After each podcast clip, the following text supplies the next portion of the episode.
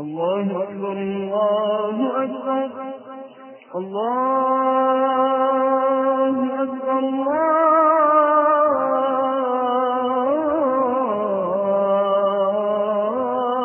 أكبر. بسم الله الرحمن الرحيم. يسر الشركة العربية للإنتاج الإعلامي عمار أن تقدم لكم هذا الإصدار.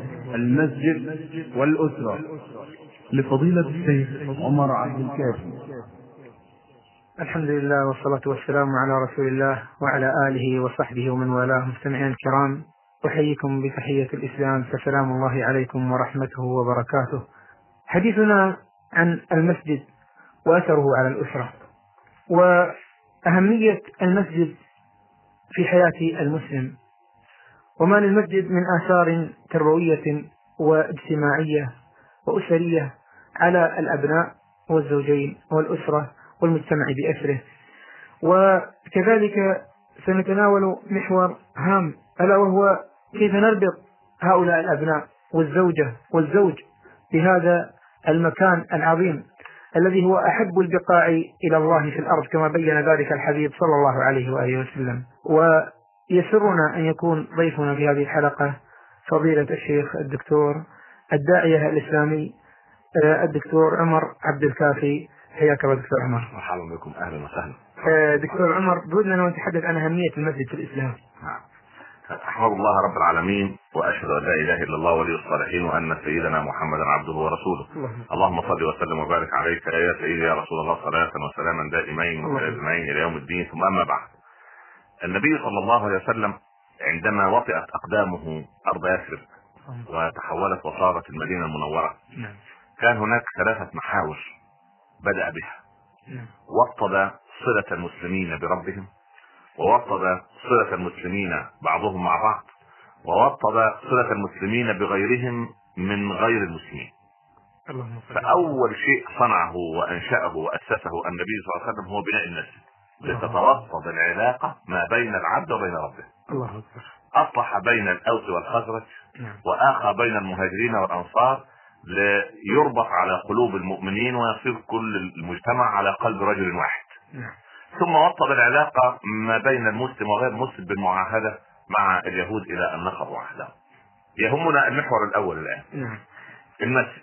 دائما نقول أن المسجد عبارة عن بنيان وإمام أو خطيب أو داعية أو عالم أو فقيه يعني. ثم مترددون من المسلمين على بيت الله عز وجل. نعم. ليست القضية في الإسلام في المبنى. مما أعطي النبي صلى الله عليه وسلم وأمته الله. أن جعلت فيها الأرض مسجدا وطهورا. الله. فأيما عبد أدركته الصلاة فليصلي. نعم. كل أرض الله سبحان الله يعني لعل وعسى يعني يذكرني هذا بأبي ذر وأبي الدرداء. نعم. ذهب كلاهما سويا يعني ذهب لشراء بيت. كان خارج المدينة. نعم. وبعدين كانت بائعة البيت نصرانية أو غير مسلمة. فحانت صلاة الظهر وهما يساومان البائعة أو صاحبة البيت على مسألة الشراء.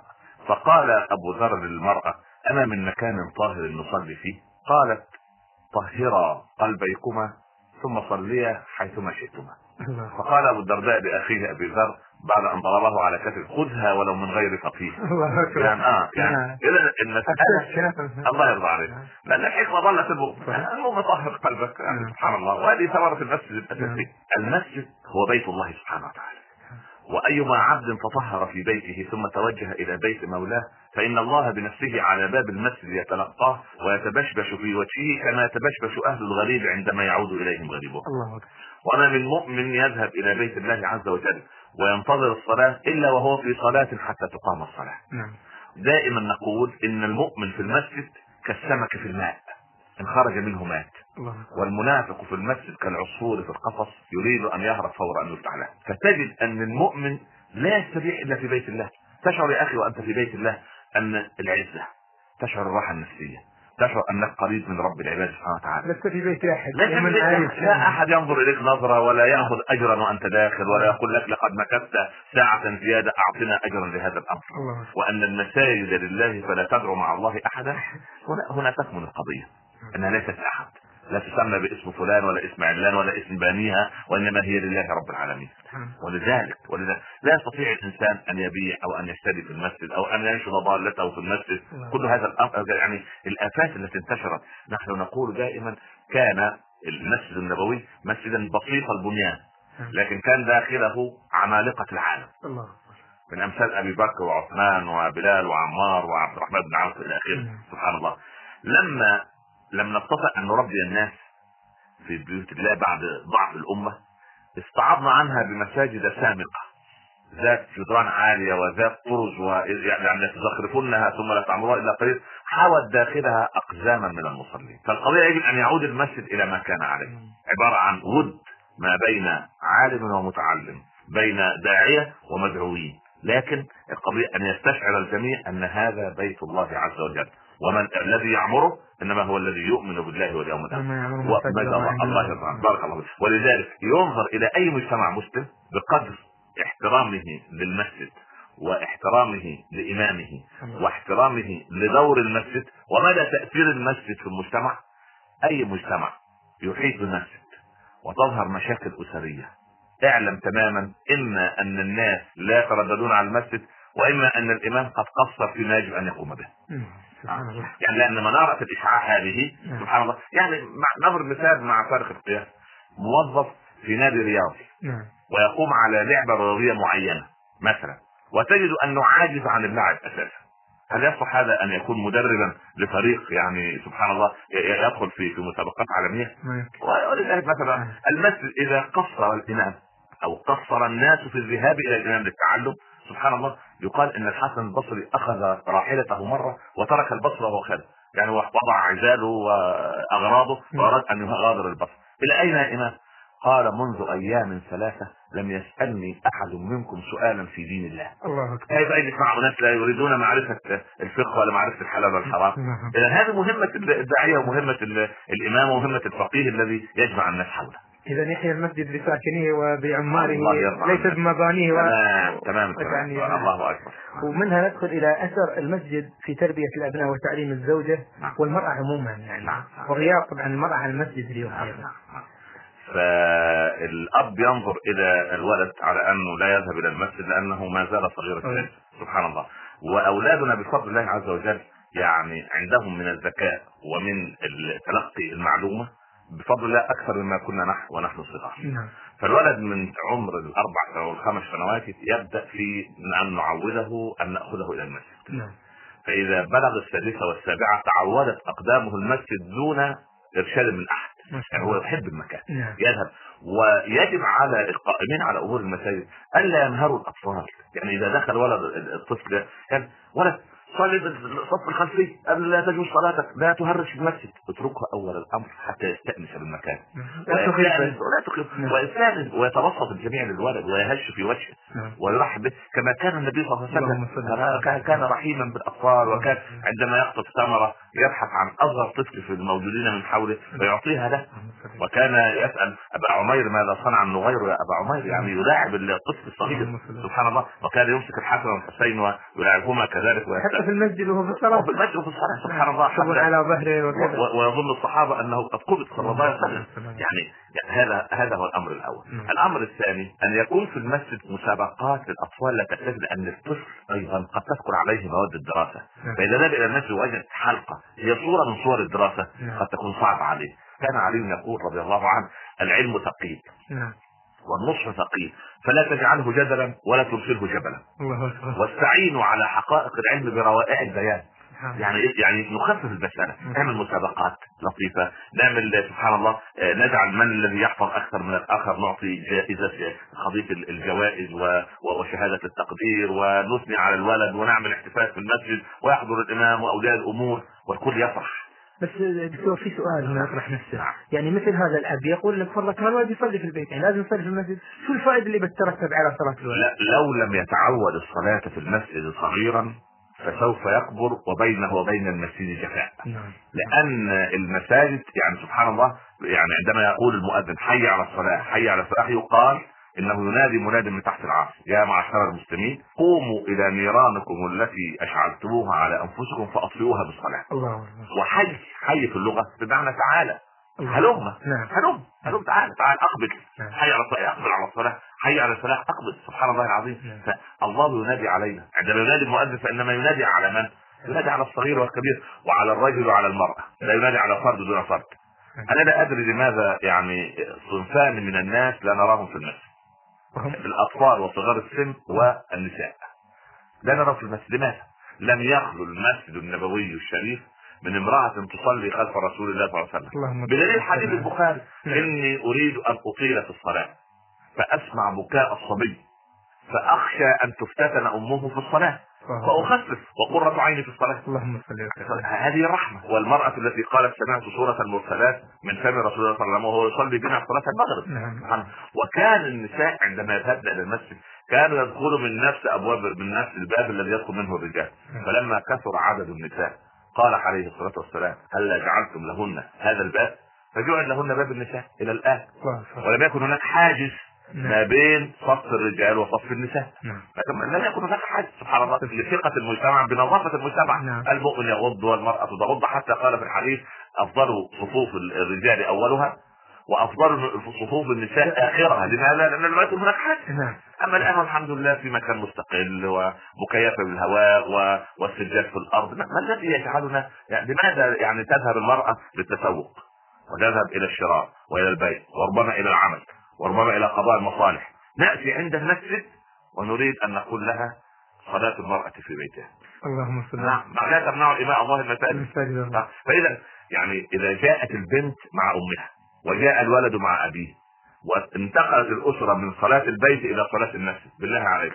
هذه اسره ذهبت في عبادة وجاءت في عبادة وأخذت البركة وصلت معها الملائكة ودعا الإمام وأمن الحاضرون وعاد الناس سبحان الله كل كم ساعة تغسل الذنوب والادران وتعاد شحن القلوب مرة أخرى. سبحان الله. انظر إلى هذه الأسرة كيف تكون. نعم رحلة إيمانية صغيرة. الله شاء لا إله إلا الله. سبحان الله إلى العظيم. نعم. ويكون أريد أن أقول أن الولد لما يتعود صار يحب هذا المكان سواء أبوه موجود في البيت أم غير موجود الولد ينطلق إلى بيت الله عز وجل لأنه يفرح بهذا ويستشعر الرجولة يستشعر أنه رجل. وكان الإمام الشافعي يقدمه مالك رضي الله عنه وهو ابن أحد عشر عاما ليصلي بالمسلمين في المسجد النبوي الشريف. الله أكبر. يعني لماذا إذا حفظ الولد أجزاء من القرآن واستطاع أن يعرف أحكام الصلاة لماذا لا نشجعه مرة؟ يا بني أذن يفرح نعم. عندما يؤذن في المسجد ويسمعه أبوه وأمه وتسمعه خالته وعمته وأقاربه وجيرانه يثنون عليه خير. يستشعر الولد أن له قيمة في الحياة. لماذا لا يصلي ببعض من الأطفال ويتعود على هذا ليكون سبحان الله في المستقبل سبحان الله العظيم؟ يعني الائمه العظام أبو حنيفة ومالك والشافعي وهؤلاء. أما كانوا اطفالا نعم. فكبروا على في بيت الله عز وجل. الله أكبر. نعم نعم نعم. وكانت هذه التربية الصحيحة الله أكبر. آه، سبحان الله دكتور. وهنا أيضا آه، مسألة يعني متى يبدأ ربط الأولاد بالمسجد حقيقة؟ ولعل أنت أشرت فيها نعم. لكن كثير من الناس يعني يتسخط من هذا الأمر. سواء كان من المصلين أو حتى إمام المسجد. يعني لا حتى أحيانا في صلاة التراويح الرجاء من إخوة المصلين لا يصطحبوا الأبناء مرة أخرى للمسجد ويبدأ ينبه الإمام بحجة أمرين إما أن يقول والله الأولاد صغار يشوشون أو أن يأتون بدون آبائهم. ال- الأم مثلا تأتي فتدخل الأبناء وتروح هي مصلى النساء. فيبدأون يلعبون. فهل هنا مثلا غياب الأب يعني عدم حضوره مع الأبناء يعتبر والله لما شرعت صلاة الجماعة لم يستثنى منها الأب المشغول في عمله من الصباح إلى المساء. نعم. لا لأن هذا وقت وقت الصلاة. نعم. يعني يقولون إن العمل عبادة والصلاة أليست عبادة؟ هي أعظم العبادة وسبحان الله العظيم يعني إذا هذا أمر الأمر الثاني أن حقيقة الأمر الاطفال الصغار الذين لا يدركون يعني مثلا في سن الثلاث سنوات أو الأربع سنوات. لا يستطيع الإنسان أن يتركهم منفردين مع بقية الأطفال في المسجد فيعيثوا فيه ويعملوا ضوضاء وثرثرة لا داعي منها لكن إذا كان الطفل صغيرا وتستطيع امه أن تحكم الأمر مع في, في المكان المخصص للنساء والولد من سن خمس سنوات مع أبيه أو مع عمه وخاله وصاحب أبيه حتى يا أخي إن كان الأب مسافرا أو غير موجود ما الذي يضيرنا؟ أن جارا من الجيران يأخذ أولاد جاره وهو ذاهب إلى المسجد تعال كأن الأب ما زال موجودا. الله القضية. أين التواصل؟ هذا الذي نريده أين. التراحم يا أخي؟ سبحان الله. نحن امه جسد واحد. نعم. فأين هذا عمليا يعني؟ سبحان الله. لكن أنا أرى وأعرف أن يشرح المصلون صدورهم لأبنائنا حتى يحبوا الناس أول مرة فيها تهريج ثاني مرة فيها ثرثرة أقل. ثالث مرة ربما سبحان الله. في المره الرابعة إن شاء الله. سوف ينضبط الأولاد معنا. والله اذكر يا دكتور يعني لما كنت صغير هذه ما يمكن انساها رحمة الله عليه رجل توفي يعني. نعم. كنت سبحان الله كنا صغار فكان الوالد عادة يسافر يعني نعم. فترات نعم. بالأشهر. فكنا نأتي للمسجد فسبحان الله أذكر يعني هذه حاجة لن أنساها. كنا في حضور الوالد نحافظ ونواظب على الصلاة. صغار. من أن يؤذن نذهب معه فلما كان يسافر إلى الحج وكان باستمرار في هذه الرحلة فكنا يعني نتأخر قليل. فأحد المصلين جزاه الله خير من كبار السن. يقول ها إذا أبوكم موجود تحافظون على الصلاة تبشرون. لكن إذا غاب قصرتوا سيخبروا إذا حضر. فأخذنا نلتزم. فأقول سبحان الله غي- يعني حضور هذه المسؤولية واعتبار أن الأبناء المسلمين كلهم أبناء وأن ال- هذه المسؤولية يعني مسؤولية حاضرة حضر الأب أم غاب. هذا أمر يفقد اليوم في نحن. نحن لا نريد أن نكون كالغرب كل واحد منا يعيش في جزيرة منعزلة. نعم. نحن أمة مترابطة. أمة إذا يعني تألم مسلم في الصين بكى عليه المسلم الذي يعيش في المغرب. نعم. هكذا. إذا اشتكى من هكذا هكذا هكذا كلام رسول الله نعم. يرضى عليه. نعم. بارك الله فيك. أخي الكريم الطفل عجينة. نشكلها بفضل الله كيفما يشاء الأب والأم. بعد ما شاء عود الطفل أن هذا الوقت يجب أن يذهب فيه إلى المسجد مع أبيه وأمه أو مع أبيه حتى سبحان الله إذا كانت الأم مشغولة. فالولد سوف يتعود على هذا الأمر. نعم. أما أن الأب ينام ويقول للولد اذهب إلى المسجد. يروح صلي كيف يعني؟ كأب مصاب بالتدخين والعياذ بالله ويقول لابني اقلع عن التدخين. نعم. يا أخي سبحان الله فكلام غير مؤثر. تأمرون الناس بالبر فإذا قضية أن كيف نشجع هذا هو الأمر الأول. الأمر الأهم من هذا يجب أن نعيد ترتيب أولويات العقل المسلم. جميل لابد من إعادة ترتيب صياغة العقل المسلم مرة أخرى.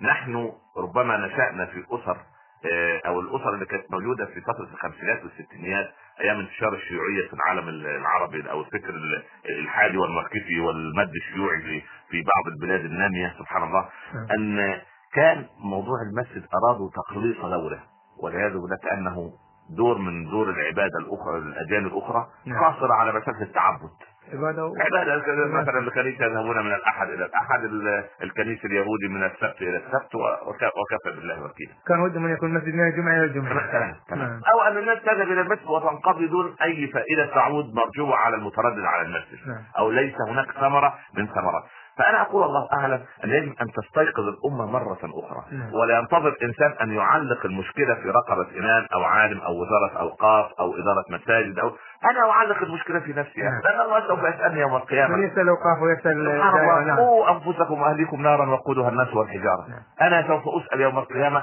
عن ابني وعن ابنتي نحن نريد أن نبدأ بداية سليمة من تعويد أبنائنا معنا إلى المساجد ثم يكون المسجد منارة إشعاع الله.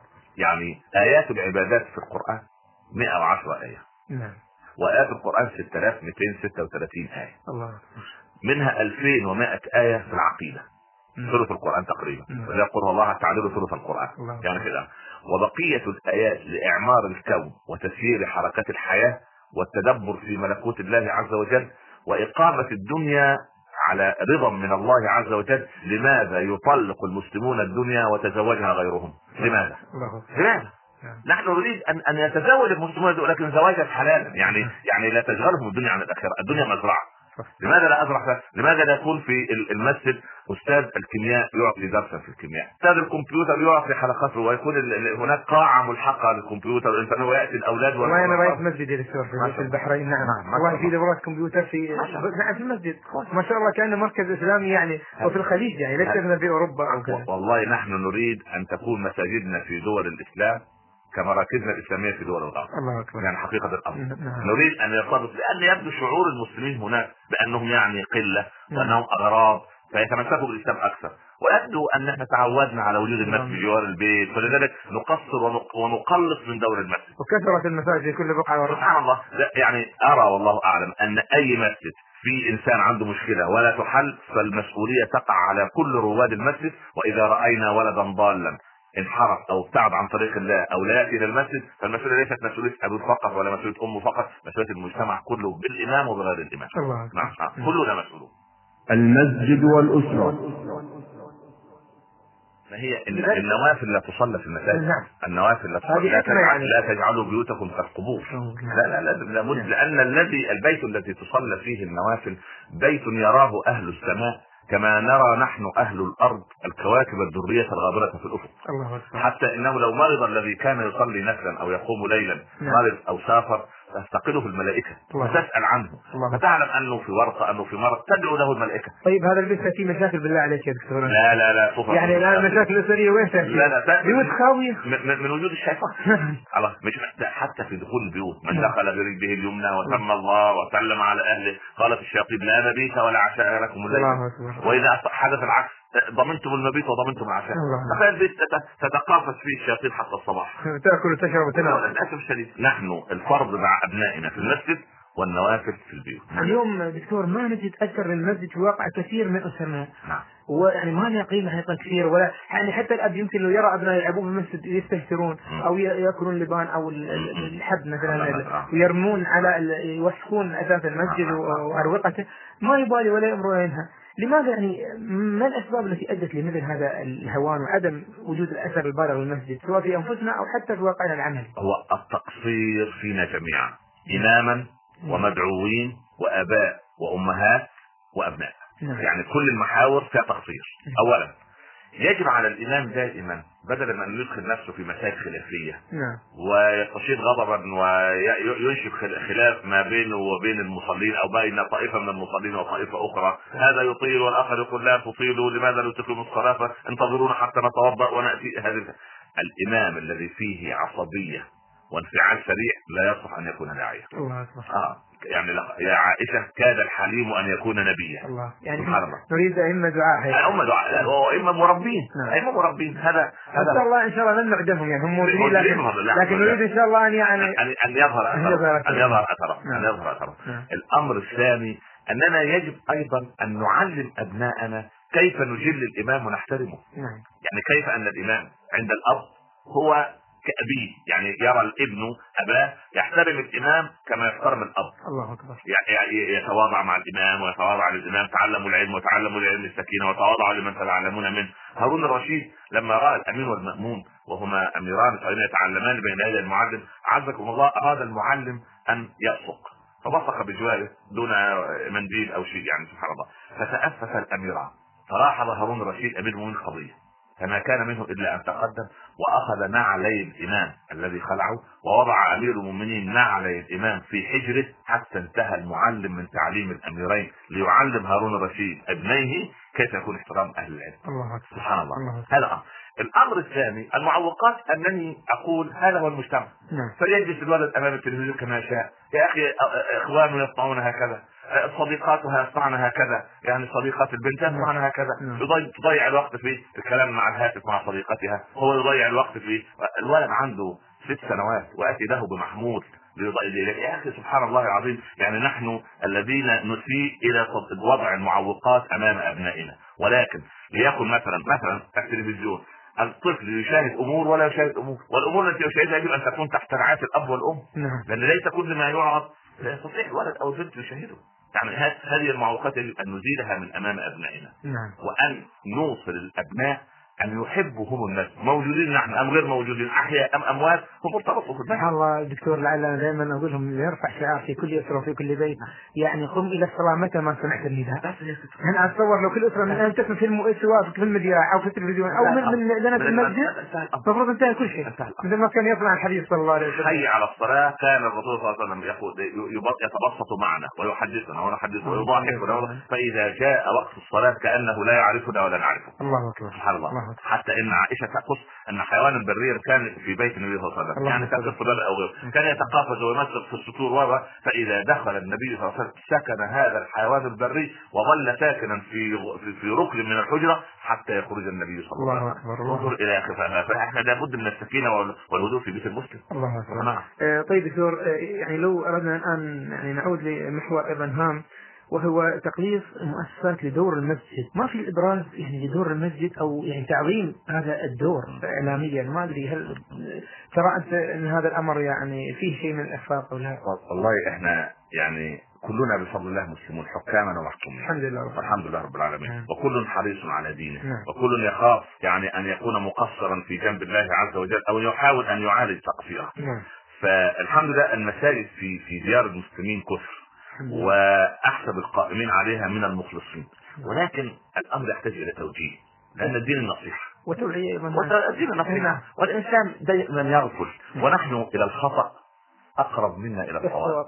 نعم. لأن كل بني آدم خطاء ما كان كل بني آدم صواب نعم. يكون خطاء من ذا الذي ومن شفناه الله يكرمك. نعم. نعم. نعم. نعم. وكفى بالمرء نبلا ان أن تعد تعد معي. والله يكرمك. نعم. فأنا أريد أن أقول أن حقيقه الأمر هناك نحن نحمل الأمور فوق طاقتها نعم. الدعوة إلى الله ملكة ملكة نعم. يعني لو جئت ب يعني 100 خريج كلية مثلا أصول الدين نعم.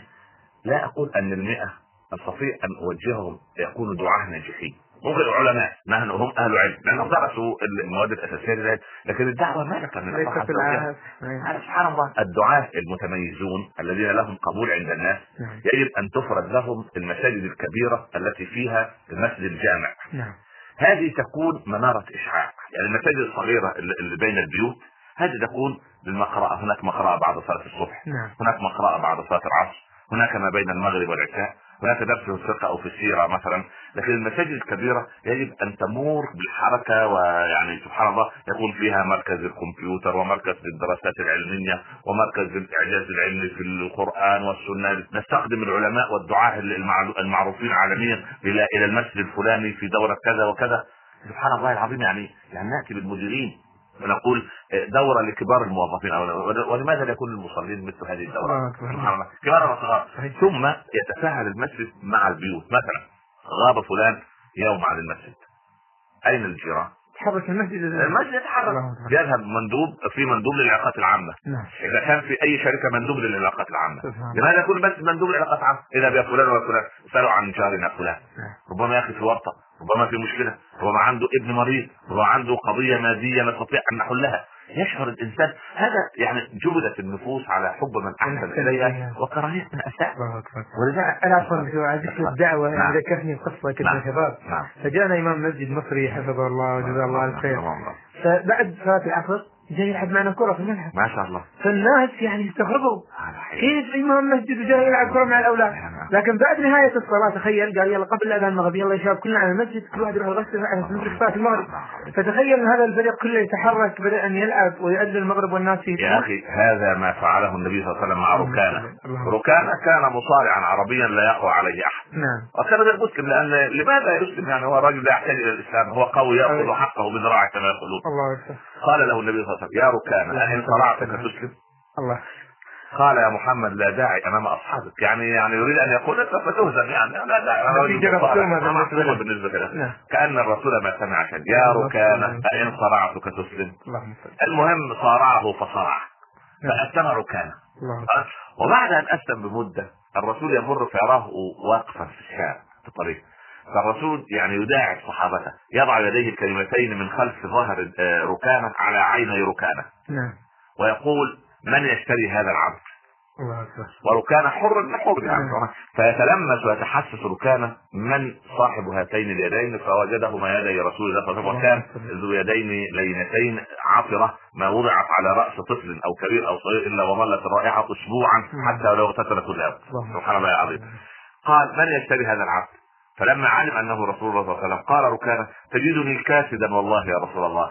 قال يا ركانة ولكنك عند الله غالي. الله أكبر. اذا يعني هذه وسيلة دعوة. كسب كسب القلوب هذه وسيلة دعوة. وفعل يعني فضيلة الشيخ دكتور عمر نعم. بعض الأئمة تجد أنا أعرف بعض الناس يترك حي يذهب إلى حي ثاني مخصوص للإمام. نعم. يعني تخيل هذا يكتب بالمبنى والمسجد. تمام. لأن يعرف هذا الإمام ولطافة هذا الإمام وحب هذا الإمام فيقول أن نصلي عندي مخصوص ال- المسجد إمام. المسجد امام داعية رقيق يكون يعني عنده من المريدين ثلاثة أصناف. إما من يكبره سنا يعتبره ابا ومن يساويه في السن أخ والأصغر سنا. ابن الله أكبر. دكتور دور المسجد في الترابط الأسري. لعلك أشرت إلى هذه القضية أن البيت الذي يعرف المسجد ويسير إن شاء اليه الله بإذن الله وهو مترابط. نعم. وهو مترابط إن شاء الله. نعم. طيب كيف يتعامل مع الأب أو الزوج الذي ما يصلي؟ يعني في لحظات الود والصفاء نعم. تقول له أنت قدوة. نعم. وعدم نزولك إلى المسجد يعلم الأولاد أنهم لا ينزلوا إلى المسجد. فيعني تعال على نفسك وانزل إلى المسجد حتى يراك الأبناء بهكذا.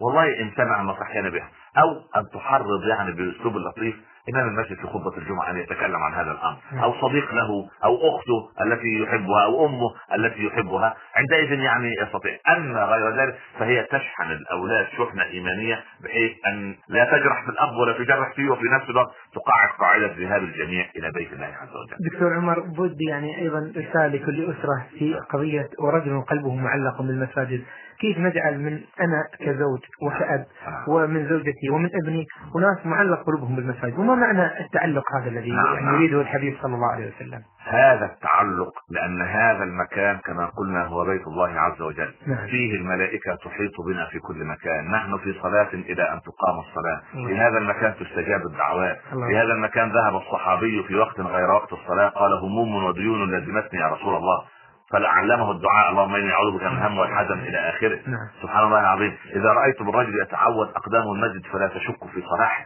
الله. يعني سبحان الله العظيم. ولو عذب الله أهل الأرض جميعا ما نجا إلا أهل المساجد. الله. في الحديث القدسي أكاد أهم عذابا بأهل الأرض. فانظر إلى المتزاورين في وإلى المتحابين في وإلى المتجالسين في وإلى عمار بيتي فارفعوا عذابا عن أهل الأرض. لأنهم موانع صلاح. سبحان الله. الله. التواجد في المسجد تواجد الرحمة. الإنسان في المسجد عندما يرى أخاه وبعد أن تنتهي الصلاة ويلتقي وجه المسلم مع وجه المسلم سبحان الله تتحات ذنوبهما كما يتحات ورق الشجر في اليوم الشاتي نعم. سبحان الله لا أمل للأمة في أن تبدأ خطوة سليمة في العودة إلى ما كان عليه سلفنا الصالح إلا بأن نرتبط جميعا بالمسجد. أما أن نرتبط بالتلفزيون ونرتبط بتضييع الوقت ونرتبط أبناؤنا بساعات على الإنترنت أو ساعات على الهواتف المحمولة ذلك هادم اللذات ومفرق الجماعات نعم. يعني للأسف الشديد يعني هذه من المعوقات التي نضعها أمام أنفسنا. ثم أقول أن في المسجد يحدث نصر للاسلام كبير بأن تهفو القلوب إلى بيت الله ثم بعد ذلك يأتي رب العباد سبحانه وتعالى بالخير لهذه شاء الله. هذه كلمتي للجميع الله يجزيك خير. خير. ما في شك إن من السبعه الذين يظلهم الله بظله يوم لا يظل إلا ظله. نعم. فيكفي أنه خير في الآخرة ونجاة وظل عرش الرحمن آه، في يوم الحشر وبين يدي الله. يا رب. آه، الدكتور عمر عبد الكافي جزاك الله خير على هذه الكلمات النيرة. وجزاك ودمعنا وإياك إن شاء الله في الدنيا على طاعته وفي الآخرة في جنته. حظها السماوات والأرض. آمين وأنتم مستمعين الكرام أيضا لكم الشكر موصول ولكل من استمع لنا ونوصيكم بالدعاء. في ظهر الغيب والسلام عليكم ورحمة الله وبركاته.